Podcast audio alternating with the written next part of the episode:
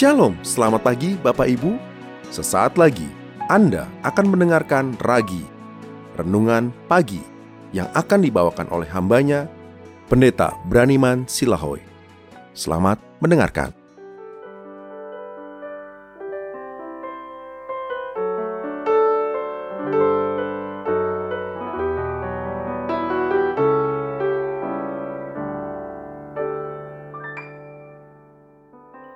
Shalom, selamat pagi Bapak Ibu Saudara sekalian.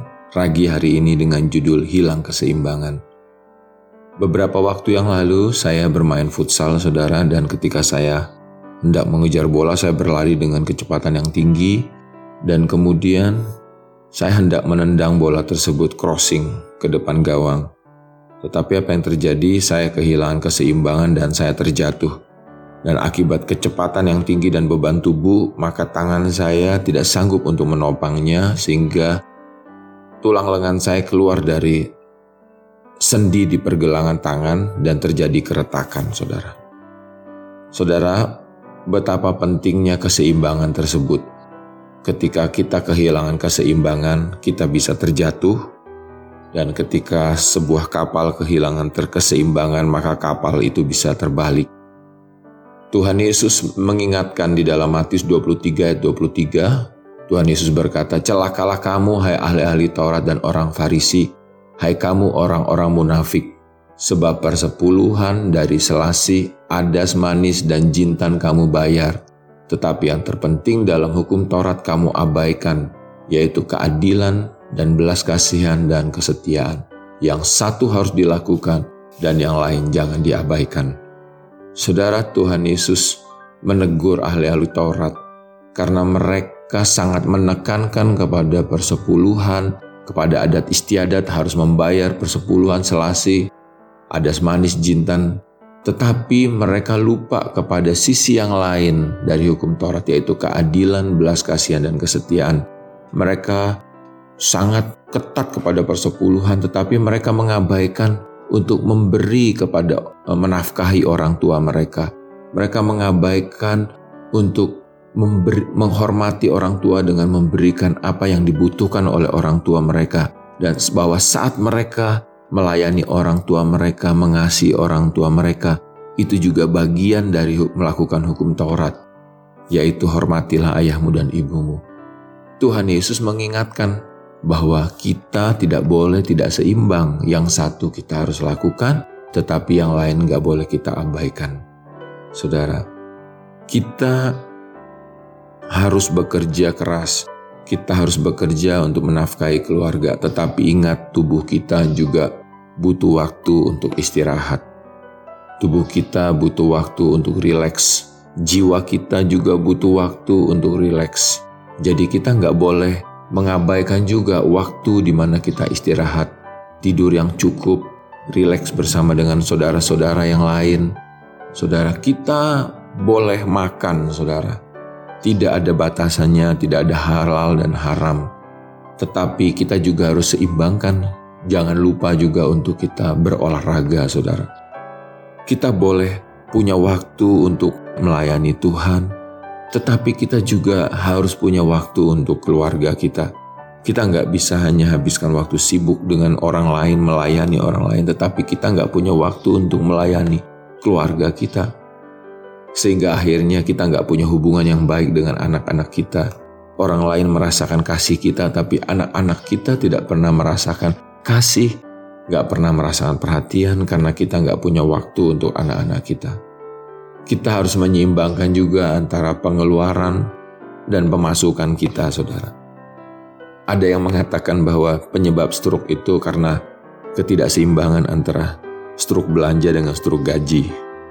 Artinya pengeluaran itu jauh lebih banyak dari apa yang kita peroleh, saudara. Kita harus seimbang juga, saudara. Bagaimana kita mengelola pengeluaran kita, Kalaupun sekarang gaji kita lebih menurun karena situasi sedang sulit, kita harus belajar untuk mengerem pengeluaran kita. Kita harus belajar membatasi apa yang dulu mungkin kita biasa konsumsi, sekarang kita batasi. Kenapa? Karena situasi sedang pandemi, situasi sulit. Nanti kalau ada rejeki lagi, tidak apa-apa saudara kita bisa punya pengeluaran-pengeluaran kita bisa jalan lebih sering ke restoran, ke mall. Tetapi ketika pengeluaran pendapatan kita sedang menurun, ya kita harus seimbangkan saudara antara pengeluaran dengan pemasukan kita. Nggak bisa kita ikuti gaya hidup waktu kita masih penghasilan tinggi saudara sewaktu belum ada pengurangan gaji. Tetapi sekarang ketika ada pengurangan gaji kita nggak bisa salahkan perusahaan. Kita yang belajar menguasai diri kita, kita seimbangkan pengeluaran yang dirasa ini hanya keinginan kita saja, keinginan mulut kita saja, keinginan mata kita saja. Kita stop dan kita kurangi. Sampai satu saat kalau kita ada berkelimpahan lagi, ada berkat lagi yang Tuhan tambahkan, nggak apa-apa saudara kita pergi lebih banyak, kita jalan-jalan bersama dengan anak-anak ke satu tempat yang hiburan. Mungkin kita mengeluarkan lebih banyak biaya, tetapi kalau memang nggak ada ya kita juga belajar menyesuaikan. Tapi kalau memang ada berkat Tuhan juga nggak nggak bisa kita tahan-tahan. Kita harus belajar untuk kita menikmati berkat Tuhan tersebut.